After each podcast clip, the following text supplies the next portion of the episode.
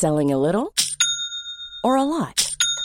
Shopify helps you do your thing however you cha-ching. Shopify is the global commerce platform that helps you sell at every stage of your business. From the launch your online shop stage to the first real life store stage, all the way to the did we just hit a million orders stage. Shopify is there to help you grow. Shopify helps you turn browsers into buyers with the internet's best converting checkout.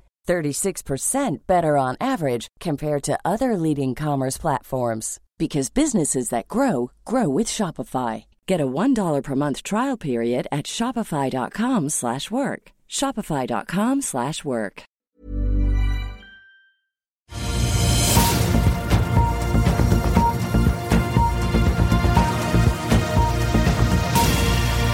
God morgen og velkommen til Børsmorgen onsdag 29. november. Jeg heter Marius Mørklarsen, og med meg har jeg Karl Johan Molle, så vi skal straks snakke med Øystein Kalleklev fra Flex LNG og Avans Gass.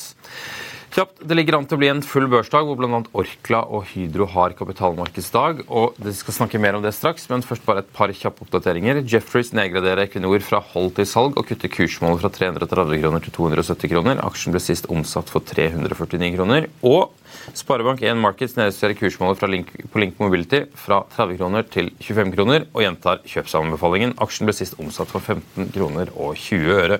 God morgen, Karl Johan. Det er jo eh, ting som ikke skjer i dag. Det er jo Viaplay. Ja, Viaplay de utsetter eh, tallene sine. Og eh, det er jo ikke spesielt eh, lystlige tall. da. Det er jo estimert tap på 400 millioner eh, svenske kroner. så og Jeg tror ikke vi skal spekulere så mye mer om eh, hvorfor dette skjer, annet enn at eh, de sier jo selv at det er samtaler da med de største aksjonærene. Da, og det er jo eh, Vivendi med, med Cable ja, det er Kanal Pluss og eh, og et tsjekkisk selskap. Og eh, De finner nok en løsning til slutt, da, men spørsmålet er jo da hvor ille det står til med Viaplay. Hvis aksjen åpner, så skal vi den ned på dette. her. Og Aksjen er jo allerede ned med 90 da, til en market cap på 1,8 milliard. Men de har hjelp på 4 milliard og renten har jo gått opp, så eh, jeg vet ikke. Kanskje det det må restruktureres dette før du får inn ny kapital. Altså, det er jo andre gangen de utsetter nå, er det ikke det? Jo.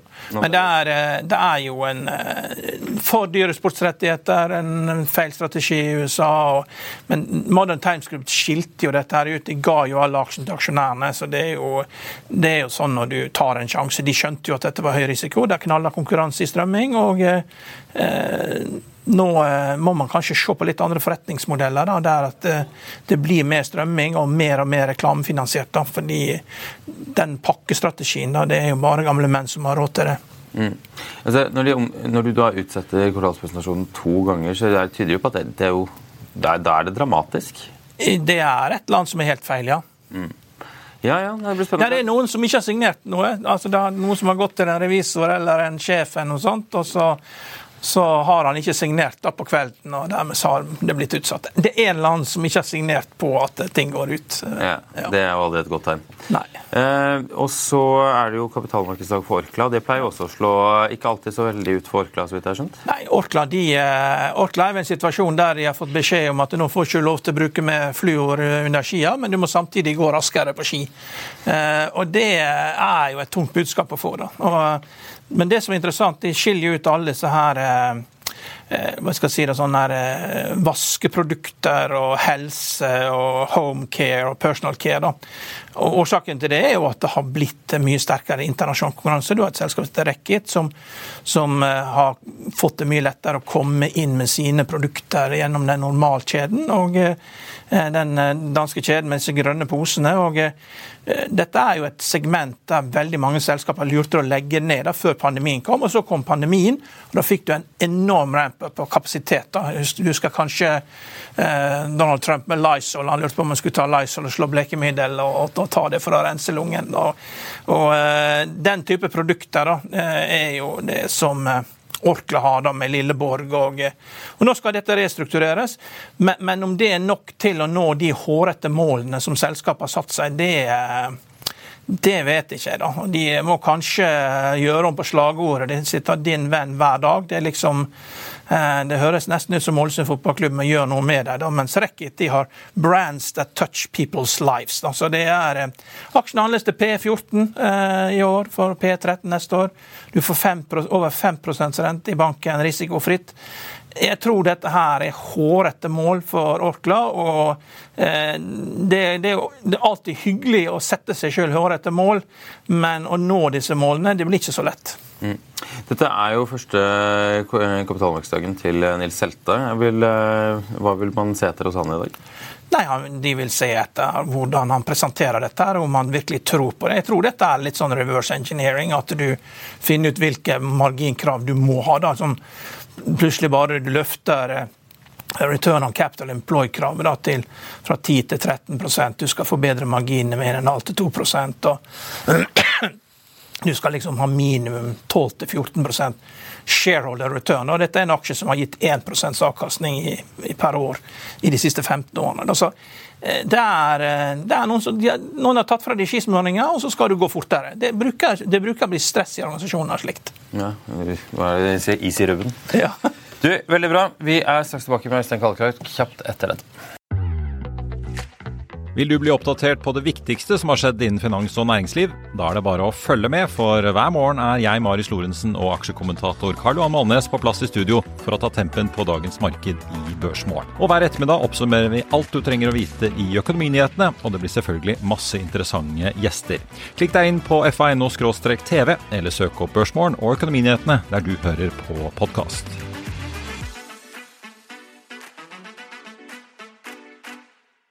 I'll see you in court.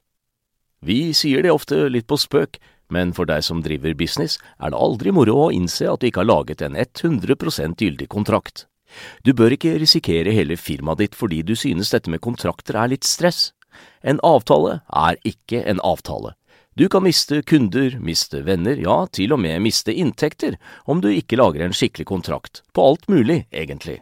Men vi vet det er et styr, kopimaskiner, tregprinter og haugevis av papir. Dessuten stoler vi jo på folk her i landet. Det er ofte litt kleint å skulle be om en signatur for alt mulig, ja, for mye av styret handler også om jakten på underskriften. Det finnes en enkel måte å løse dette på, Dukkobit, en trygg, effektiv og get this, gratis måte å sikre seg en god natts søvn pluss en juridisk bindende avtale. Dukkobit-appen har de strengeste sikkerhetskrav i bunn, samt en EU-godkjent og sertifisert teknologi. Framover vil det bli behagelig å spørre du, skal vi skrive under på det, eller? Kom i gang på dukkobit.no.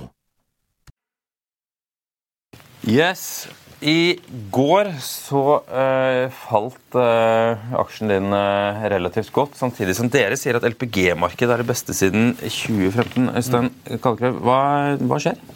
Nei, ok, altså aksjen er vel opp jeg vet ikke, 170% i år, så selvsagt det var jo relativt høye forventninger. Eh, i forkant, og aksjene har gått mye i år. Eh, så det er nok mer en reaksjon på det. Eh, det som har skjedd i dag, er jo at seilingsdistansene er blitt veldig lange. Så selvsagt når vi ser at ratene går opp nå, så tar det litt tid å kjøre ned porteføljen sin. For i går da sluttet vi en båt. så vi, I går så hadde vi tredjekvartalstallene våre, og så slutta vi en båt med loading i USA 2. eller 3. januar. Så da booker du en båt som skal ta en last 2. til 3. januar, og så skal ha kalle losse den lasten godt inn i februar. Så det tar litt tid, disse tingene her, fra at ting materialiserer seg i regnskapet, eh, til når du slutter båter over et kvartal fram. Så, så, det er jo eh, derfor vi også sagt at ok, tallene i, i, i Q3 eh, Nå tjente vi 30 millioner og har levert 102 millioner dollar i, i profit eh, for året. Eh, og som jeg sa i avisen deres i i, i, dag så forventer vi at vi tjener rundt 150 millioner dollar for året. Det gir en avkastning på egenkapital på 25% så det er litt bedre enn de tallene som Orkla ja. guider på. Så, så, det tar bare litt tid. Fjerde kvartal blir jo mye bedre. Og så er det litt sånn regnskapseffekter her. Eh, vi eh, guider på såkalt lossing til lossing, eller discharge to discharge, så du regner en rundreise. Mens eh, regnskapet, da du kun, kan du kun beregne frakt når du har last om bord. Og da, da Når du posisjonerer en båt inn i dag, så bruker du over en måned inn fra gjennom Suez til eh, USA. Uh, før du da kan begynne å beregne inntekter. sant? Og så I tillegg så booker du forward. Så det, det, er litt av grunnen til at kanskje tallene uh, var litt skuffende for en del. Men så, samtidig så guider vi veldig sterkt for, for neste kvartal da, med, med, betydelig høyere inntekter. Vi forventer spotinntekter mellom 90 000 100 000 dollar dagen. Og at eh, faktisk også TC-boka skal gi rundt 50 000. Så, så, sånn sett så ser det jo mye bedre ut for fjerde kvartal, og vi booker allerede for første kvartal. Men det, det, er jo sånn at det finnes veldig mange forskjellige shippingsegmenter. og mm.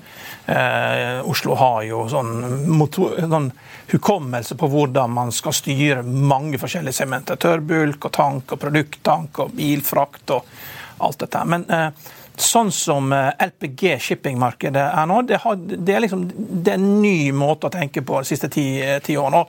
Her, det var enten det var i fjor eller året før, plutselig så stupte ratene i februar. Eh, mm. og Det var ingen som skjønte hva som skjedde. Eh, hvor lang visibilitet har du? Kan du, si, kan du liksom si at nei, det kommer ikke til å skje i februar i år, fordi mm, det så vi som satt innenfor, vi skjønte at dette kom. Eh, kan du si noe om hvordan, hvor langt for, foran dere ser? Det kommer litt an på hvordan du booker båten også. sant? Vi har hatt eh, kanskje tre sånne minikrakk i løpet av året, hvor ratene har gått fra kanskje 120 000 til 40 000-50 000. Nå skal du huske at 40 000-50 000 er et kjempebra bra nivå. Ja, ja. Altså Vi er en cashbreak-even på 22 000. Men så har det kommet opp igjen. Og det har vært sånn eh, Det er litt drevet seg av produktarben, altså prisforskjellen mellom USA og Østen. Hvordan den plutselig så får den seg en knekk. Eh, og det kan være sånn naturlige årsaker som det er eh, Chinese eh, New Year. Plutselig så er det litt mindre Man kjøper inn masse før foran Chinese New Year, og så er det litt en, en, en slapp periode.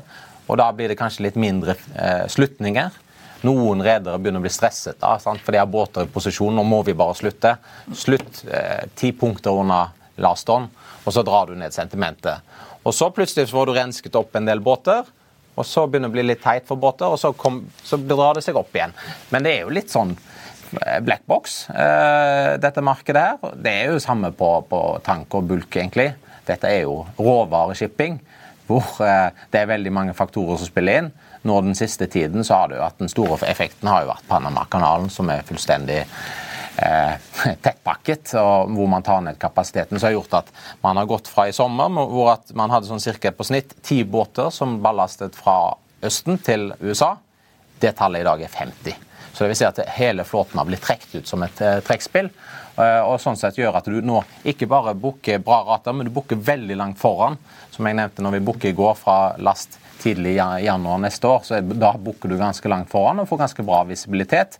For når den har hentet last i USA da, og er tilbake i Østen og skal tilbake, så da snakker vi neste last eh, slutten av eh, mars inn i april. Så. Har det regna på hvor mye det har å si for tilbudssida, den endringen, hvis det var på permanent basis? Eh, ja, altså det er jo permanent og permanent. Akkurat nå er det jo stort sett alt velges, jeg går den ruta der.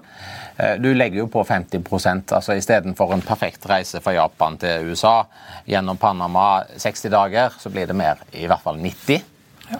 Uh, og det er jo og så Samtidig så har jo ekspert, importen flytta seg mer til Kina. og da blir altså det Kina som er den store driveren her. Man snakker mye om at Kina har hatt en dårlig økonomisk vekst etter covid, men altså importveksten på, på LPG i år er sånn 25% så det er veldig sterkt. Eh, så, så, det vil si at når du reiser Kina og USA, da får du veldig lange reiser. Og det er jo grunnen til at de fleste analytikere i år trodde jo at markedet skulle være her katastrofe. Det var veldig høy flåtevekst i år. 46 båter for levering. Jeg tipper det tallet blir litt lavere, rundt 40. To av våre skip er bl.a. forsinket. Så det vil si at Mange var bekymra for markedet dette året, men det har blitt veiet opp av lengre seilingsdistanser. Sånn at det faktisk markedet har blitt superteit. Ja. Hva er det kineserne bruker eh, gassen til? da? Siden de etterspør 25 mer gass plutselig? Ja, en av, altså, Hovedårsaken er jo eh, vel, det man kan kalle plastfabrikker. Man har satt i gang veldig mange nye plastfabrikker i Kina som trenger propan for å lage propylen som er videreforedlet til, nei, til, til plast. Og så er det jo selvsagt propan er et ekstremt anvendelig eh, kalle fuel. Du kan bruke det til oppvarming, du kan bruke det til eh, biler som drivstoff, du kan bruke det til gjødsel, raffineribransjen. Så det, det varierer. Altså, kineserne er jo veldig flinke på å finne hva er det billigst. Hele tiden triangel. Nå er jo LNG fortsatt ganske dyrt. Eh, Kina har økt eh, LNG-importen sin ganske mye i år, men de har jo økt importen av LPG mye mer, og det har med at LPG-en er mye billigere. Så det er også en driver. Veldig billig LPG fra USA? Ja. ja. Rett og slett. USA er, er, flommer over av LPG. Eh, vi har en del slider på dette i vår presentasjon. her, at Feltene i USA får en høyere gassgrad. Som man har, og som har blitt flinkere til å, å, å kalle få denne gassen eh, utvinnet, altså at eh, utvinningsgraden har økt. Og så da har man, Spesielt da i Texas og Louisiana, hvor det er ganske enkelt å få, få, få, få tillatelse, så har man bygget opp et stort eh, rørledningsnettverk så man kan få skippet dette ut. Så 60% av propanen blir i dag eh, eksportert. Eh, etan er billigere, den blir brukt mer i USA. Eh, og sant, Når 80% av drilling i USA er for å få olje, så dette her et sånn biprodukt som derfor har en veldig lav pris i forhold til eh, olje, naturgass, ja, til og med kull. Altså høykvalitetskull. Mm. Ja, det tar jo lang tid for USA å reindustrialisere når de flytter alle fabrikkene til Kina. så det tar vel eh, mange mange år før at eh, de tar en stor andel av dette sjøl. Ja, men du ser det er en del USA. De, de bygger jo opp en del raffinerikapasitet og, og steamcrackers bl.a. for å benytte seg av den billige Eh, hva skal jeg si, feedstocken de får da, fra, fra alle disse shale-bassengene. De lager elektrisitet av det? Ja, det gjør de, men de også foredler det til etylen eller propylen. Ja. Hmm. Ja. Altså, god eksport fra USA, eh, sterk etterspørsel i Asia og Panama-problemer. Det er liksom de tre triggerne som, som, gjør at markedet er ekstremt godt nå. Men eh, hva skal til for at eh, det, det, det her eh, ikke går fullt så bra? Altså, hva, hva, bekymrer dere i denne av disse tre? Nei, altså Det som har bekymret oss for i år, har jo vært den sterke flåteveksten, som potensielt kunne gjøre markedet mye svakere. Når du har mye flåtevekst, så er du jo helt avhengig av et, eh, enten at seilingsmønsteret endrer seg, så du, får, du må ha en tonnmileage-effekt, eller at du kan få økt ineffektivitet, som har jo liksom vært for en av de store driverne for bulkmarkedet i 21-22, at du hadde økning i ineffektivitet, som betyr mer tonn tid. Eh, og Det var jo en av grunnene til at vi hadde sikret litt av vår eh, eksponering i år. Enten ved TC-kontrakter, altså faste kontrakter, eller med fraktarivater. For vi, vi, vi, kunne ikke være 100 spot-eksponert i år. Vi ville ikke bette hele butikken. Eh, så har vi en høyere spot-eksponering neste år, for da avtar den flåteveksten eh, kraftig. Eh, da begynner den faktisk å bli lav. Og vi ser at folk begynner å bestille båter i dag fra 27 levering, hvor de betaler gjerne 115 millioner dollar for de båtene som vi bestilte til 80. Vi bestilte seks båter nå til 80 millioner og tar de leveringer de siste to neste år. Og de båtene i dag er atskillig dyrere med senere levering. Ja, vi, vi, hadde jo BV LPG-sjefen her nylig, han sa at de, nå var skipene så dyre at de heller betaler utbytte. Hva tenker du om det? Ja, Det er jo litt sånn vi også tenker. Vi har ikke hoppet på å bestille flere. Det vi har gjort i sommer, er at vi har bestilt fire MGC-er, altså dette er mindre skip. Våre skip er typisk en LGC 83 000-84 000 kubikk. Og så har vi en klasse med nye båter nå, seks nye båter som er 91 000 kubikk. Så har vi bestilt fire eh, medium size gas carriers på 40 000 kubikk. Og det handlet mer om at vi fikk en fryktelig god pris på et verft i Kina. Vi liker å kjøpe billig. Eh, vi betalte 61,5 millioner dollar per stykk for de skipene. Eh, vi ser at koreanske verft nå markedsfører tilsvarende båter med 5000 større kubikk, altså 45 000 kubikkere, til rundt 78 millioner dollar. Så Vi syns vi fikk et, et bra klipp. Vi bestilte de båtene, og så har de båtene en sånn spesiell spekk at de kan ta både LPG og ammoniakk. Og det ammoniakkmarkedet er jo ja, det er kanskje litt hypet, men det, det, er noe som kommer. Det blir bygd ut veldig mye nå clean ammonia-fabrikker også i USA, hvor man tar egentlig gass og så lager man såkalt altså blå ammoniakk. Og der, Dette også kommer til å bli et fraktmarked, og det er fint å ha noen båter som er fleksible, kan trede begge deler. Nå spisser Karl Johan ørene her, for nå snakker du om ammoniakk, og det, det, har vi snakket mye om. Ja, ja. Seks kjøp og to holdanbefalinger på aksjen, og, men jeg ser EPS-estimatene de går bare sideveis inn i 2024. Det er sånn 2,35 og 2,36. Er, er, dette realistisk? Er det liksom er det, er det sideveis? Er, folk, er det forsiktig? Vil de se at de går ratene varer vare litt lenger før de løfter ja, estimatene? Nå er det litt tidlig på morgenen, så jeg bare sjekket, sjekket mailen litt. Ja. Jeg så DNB var tidlig ute med en ny analyse i dag, så de tok opp uh, kursmålet for det var ikke mye, da. 175 til 177. Men sånn de skriver at hvis du ser på fraktderivatkurven nå, FFA-kurven såkalt, ja. Eh, hvis du legger den kurven til grunn, og den ligger på rundt 80 000 dollar dagen neste år, og 60 i 24, så betaler selskapet tilbake 45% av market cap på to år. Ja. Eh, eh, vi betaler et utbytte i dag så vi har betalt de siste fire kvartalene på 50 cent. Så når du sier at okay, inntjeningen er 2,35 eller 2,40, så er det sånn i tråd med det utbyttet vi betaler. Eh, vi forventer jo Vi har jo litt mer kall det ørningskapasitet neste år, for vi får to båter levert, som er primum i forhold til den klassen vi har i dag. Og så har vi solgt unna de eldre skipene. Så det, Vi har hedget én båt, eller en halv båt, for neste år på 70 000, så litt under den FFA-kurven, som er på rundt 80 så det er jo helt avhengig av markedet. Vi øker spoteksponeringen neste år. Og det gjør vi for at vi, vi, vi ser at Panama-kanalproblemet kommer til å vedvare langt inn i neste år. Flåteveksten kommer til å ta av. Eh, propan kaller det arbitrasjen mellom USA og Kina, fortsetter å holde seg veldig sterkt neste år. Han er riktignok såkalt backwardated, så han, han, er fallende. Men han har jo fått rekordhøyt nivå på 350 dollar, så går han mer ned mot 250. Men det vil være eh, bra for frakt at du har et såpass bra produktspredd. Så, så, ja, det er jo selvsagt realistisk, men det er jo helt avhengig av markedet. og Vi, vi øker nok risikoen litt i forhold til i år, hvor vi har vært, tatt, hatt litt lavere risiko pga. den flåteveksten. Ja, jeg ser jo BVLPG kjører videre med en mer forsiktig strategi. Da. De har jo alltid hatt mer eh, båter på sett på tider, men der er jo et kraftig fall i EPS inn i neste år. Men kan, de har jo sagt at det skal endre seg eh, så det kan jo hende at det vil endre seg, at det blir lett, litt lettere å sammenligne aksjene. da. Det ja, det blir nok litt jeg faktisk tror jeg det blir litt vanskeligere. For det sant, de har jo også nå produkthandel. Så de trader selve produktet. Eh, hvis det er noe som de og den annen største aktøren gjør, Petredek, vi har holdt oss unna det, sånn at vi kan være en uavhengig reder som, eh, som ikke konkurrerer mot kunden, som vi tror kan være litt sånn problematisk da, hvis du får en spotlast og du skal slutte båt med noen, og så konkurrerer du med, mot kunden. Eh, men vi kjører en litt annen profil. Vi kjører nok eh, mer spoteksponering, og så kjører vi betydelig høyere giring. BV er jo nesten gjeldfritt i dag. Vi liker å ha giring. Eh, men så kompenserer vi den høye giringen med et ekstremt lavt kostnadsnivå. Altså Vi ligger jo langt unna det våre konkurrenter på kostnader. Eh, vi ligger på, sånn cirka på nivå med BV på, på, på OPEX, men vi ligger på et langt lavere administrasjonskost. Ja, Vi må snakke litt om eh, LNG også, FLNG. Det er jo mye dyrere båter. Det er jo ned, nedfrosne laster. og mm. Der, der, må du nesten ha sett verdensrekord. Det er elleve analytikere som følger det, og ja. alle holder anbefaling. ja.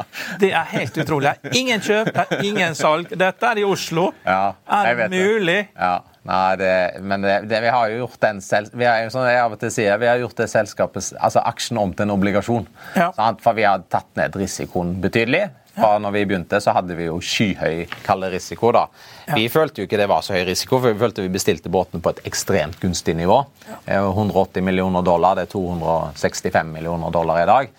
Eh, og da, kunne, altså, når du har en lav investeringskost, så kan du også ha en lav cash break even-kost. Så selv i 2020, når vi hadde egentlig 100 spot-eksponering i covid-året, eh, da hadde vi en cash break even på 45 og leverte 60 000. Selv om vi var fullstendig spot-eksponert. Så, så, har vi dreid den retningen med at vi har tatt lange kontrakter, og nå, er, nå dunker det ut hvert kvartal 75 cent i utbytte. Eh, og så har vi toppet det opp av og til med et spesialutbytte. Og det er jo selvsagt for norske analytikere, så er jo det litt kjedelig case. Det er jo egentlig basically vi, Når vi guider, så sier vi fjerde kvartal 90-95, så leverer de 94,6. Så guider vi hele året på kvartalsmessig basis når vi rapporterte Q4 i fjerde kvartal. Så har vi sagt, Da sa vi i fjerde kvartal 90-100, så har vi nå sagt at det blir 97-99 millioner. Så det er jo såpass kontroll du har på den butikken at du kan guide med 2 millioner dollar kaller eh, slingringsmonn. Eh, og det har litt med at alle båtene her er på TC, så vi har ikke noen sånn IFRS 15-problemstillinger. Så det er, det er, steady going. Ja. Det er 50 gjeldsgrad her også i forhold til markedsverdien på egenkapitalen. Så det, ja. det er konservativt gira for å ha disse kontraktene. her. Ja. Det, selvsagt, Du kunne gira det høyere og så kunne du liksom tatt ut mer penger sant, up front, altså såkalt dividend recap. Men vi tror, altså primært i dag så handles denne aksjen i USA. Det er nesten ikke handel i Oslo. Eh, 90-95 av handelen i USA. Her treffer vi en målgruppe av investorer som er eh, veldig glad i å få et stabilt kvartalsmessig utbytte. Eh, og hvis du hadde gjort en sånn type dividend recap at du flusha ut et stort utbytte og så har redusert framtidig utbytte, så tror vi kanskje ikke det hadde vært like interessant for de investorene. Så vi har blitt litt sånn så søsterselskapet vårt, SFL, som er drevet av Ole Bjørte, som også er, det er jo kun børsnotert i USA av den grunn at det er et selskap som er interessant for amerikanske investorer som ønsker å ha en dividendestrøm som de kan eh, ja, egentlig leve av eller pensjonere seg av. eller lignende. Vi må snakke litt om den gamle strategien til Flex LNG. snakke litt om det på forhånd her, at det høyeste kursen den har vært noen gang, er 396 kroner. Det var i 2008, sommeren 2008 før alt smalt. Da skulle de samle på stranded gas. Mm. Da var gassprisene var vel 8 dollar i, ja. i, Europa og 4 i USA og 18-20 i uh, Japan. og De skulle samle den, og så skulle de frakte den til Japan. Det var jo ingen oljeselskap som ville gi dem tilgang til noe gass på å samle stranded gas. så dette er en strategi da, som dere ikke noen gang kommer til å komme tilbake igjen til. for at Det er bare ikke Nei, så lett å... Det er mer Golas strategi i dag. Ja. Finne stranded gas i Afrika, pumpe den opp og ja. få den til Asia. Ja. Så det, det, er en helt annen forretningsmodell. Ja. Når du driver shipping, så må du drive det lean og effektivt. Ja. Eh, hvis du holder på med masse andre ting, så bare øker du kompleksiteten og kostnadsbasen. Så jeg, tror det, jeg har mye mer tro på rendyrkede selskaper enn å ha sånne konglomerater. Og det tror jeg også sånn Golar har sett etter hvert, at det, det, ble for komplekst. Det var upstream, det var downstream, det var midstream. Så man har skilt det ut, og der syns jeg jo de har gjort en bra jobb med å skilte ut. og det, i dag kaller Kulko er jo en del av shippingstrategien. Uh, upstream uh, er jo det gamle Golar, og så har du jo downstream som gikk til, uh, til New Fortress. Så, så, det har jo vært en, egentlig at man prøver å rendyrke selskapene. Så for Flex i dag så vil vi fortsette å være et rendyrket shippingselskap. Problemet er at du kommer for nær oljeselskapene. ikke sant? At det er Når de da sier ja, skal du gjøre dette her, så det er greit, det, men du kan få 2% margin på vår kapitalkostnad. Mm. Nei, men vi, vi vil ikke 8% vi vil ha 15 men, men, det å frakte eh, produkter som de ikke trenger, da kan du tjene så mye du bare vil. Det bryr de ikke seg om. Men hvis du, skal, hvis du går i næringen og tjener for mye penger på det, på å hente ut eh, gass, så tillater ikke det. Så Det er det, det som er problemet med den forretningsmodellen. Ja, det vet du sikkert mer om enn meg. Jeg, jeg, forholder meg stort sett til shippingmarkedet, men det er jo selvsagt å konkurrere mot kundene sine er alltid problematisk. Ja. Da da får man kanskje ikke så mye oppdrag. jeg tenker at vi må sette en strek der og si gass, gass, gass, som de sier i militæret. Og Øystein Kolberg, tusen takk for at du kom her til oss. Ja, eh, det har skjedd litt på børsen siden vi startet programmet i dag. Eh, Orkla er jo vel å merke til noe nærmest uendret. Hydro er ned 3-4% og Viaplay den har gått rett eh, ned. Ned 18 ja, men det er jo ikke så mye når du er ned 90 fra før, så, så er du på vei utover. Så det, det, jo, det kan jo falle mer enn det. Nei. Ja. Eh, apropos eh, eh, Holdt på å si dødsfall, men eh, Charlie Munger, Warren Buffetts høyre hånd, har også eh, gått ut av tiden her i går. Ja. Ikke overraskende, mannen var jo 99 år gammel, men samtidig han var jo aktiv helt til, eh, til slutt. Jeg så Eh, vår eh, relativt jevne deltaker eh, Roger Berntsen har allerede rukket å skrive et minneord. Ja, han. han. skriver jo da at han, en av Charlie Mungers mest innflytelseslike læresetninger er The best thing a human being can do is to help another human being no more. Og Det har jo da vært ifølge Roger Berntsen, drivkraften for at han da står opp klokken fem hver morgen og skriver disse nyhetsbrevene. Men det er jo med andre ord snakk om et generasjonsskifte også innenfor Berkshire Hathaway hvert øyeblikk nå? Ja, Nei, det er jo trist. Eh, men det, vi lever ikke evig, noen av oss. og det Heldigvis, sitatene hans lever jo evig, da. Så er, det blir jo mye, mye gullkorn, da. Ja, Han kommer til å leve godt videre på YouTube for alle de som sitter og lurer på hvordan de skal bli like rike som Warren Buffett og Charlie Munger. Men, uh, men det er jo fascinerende. Han holdt jo koken helt til slutt. Ja. Uh, Ren syntese, altså konklusjoner hele veien levert på løpende bånd. Ja.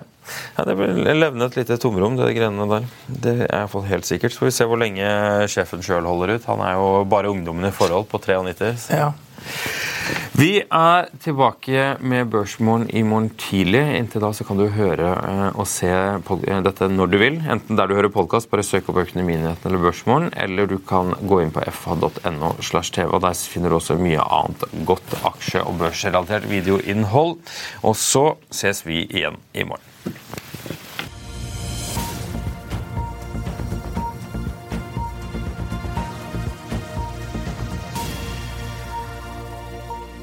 Økonominyhetene er en podkast fra Finansavisen. Programledere er Marius Lorentzen, Stein Ove Haugen og Benedikte Storm Bamvik. Produsenter er Lars Brenden Skram og Bashar Johar. Og ansvarlig redaktør er Trygve Hegnar.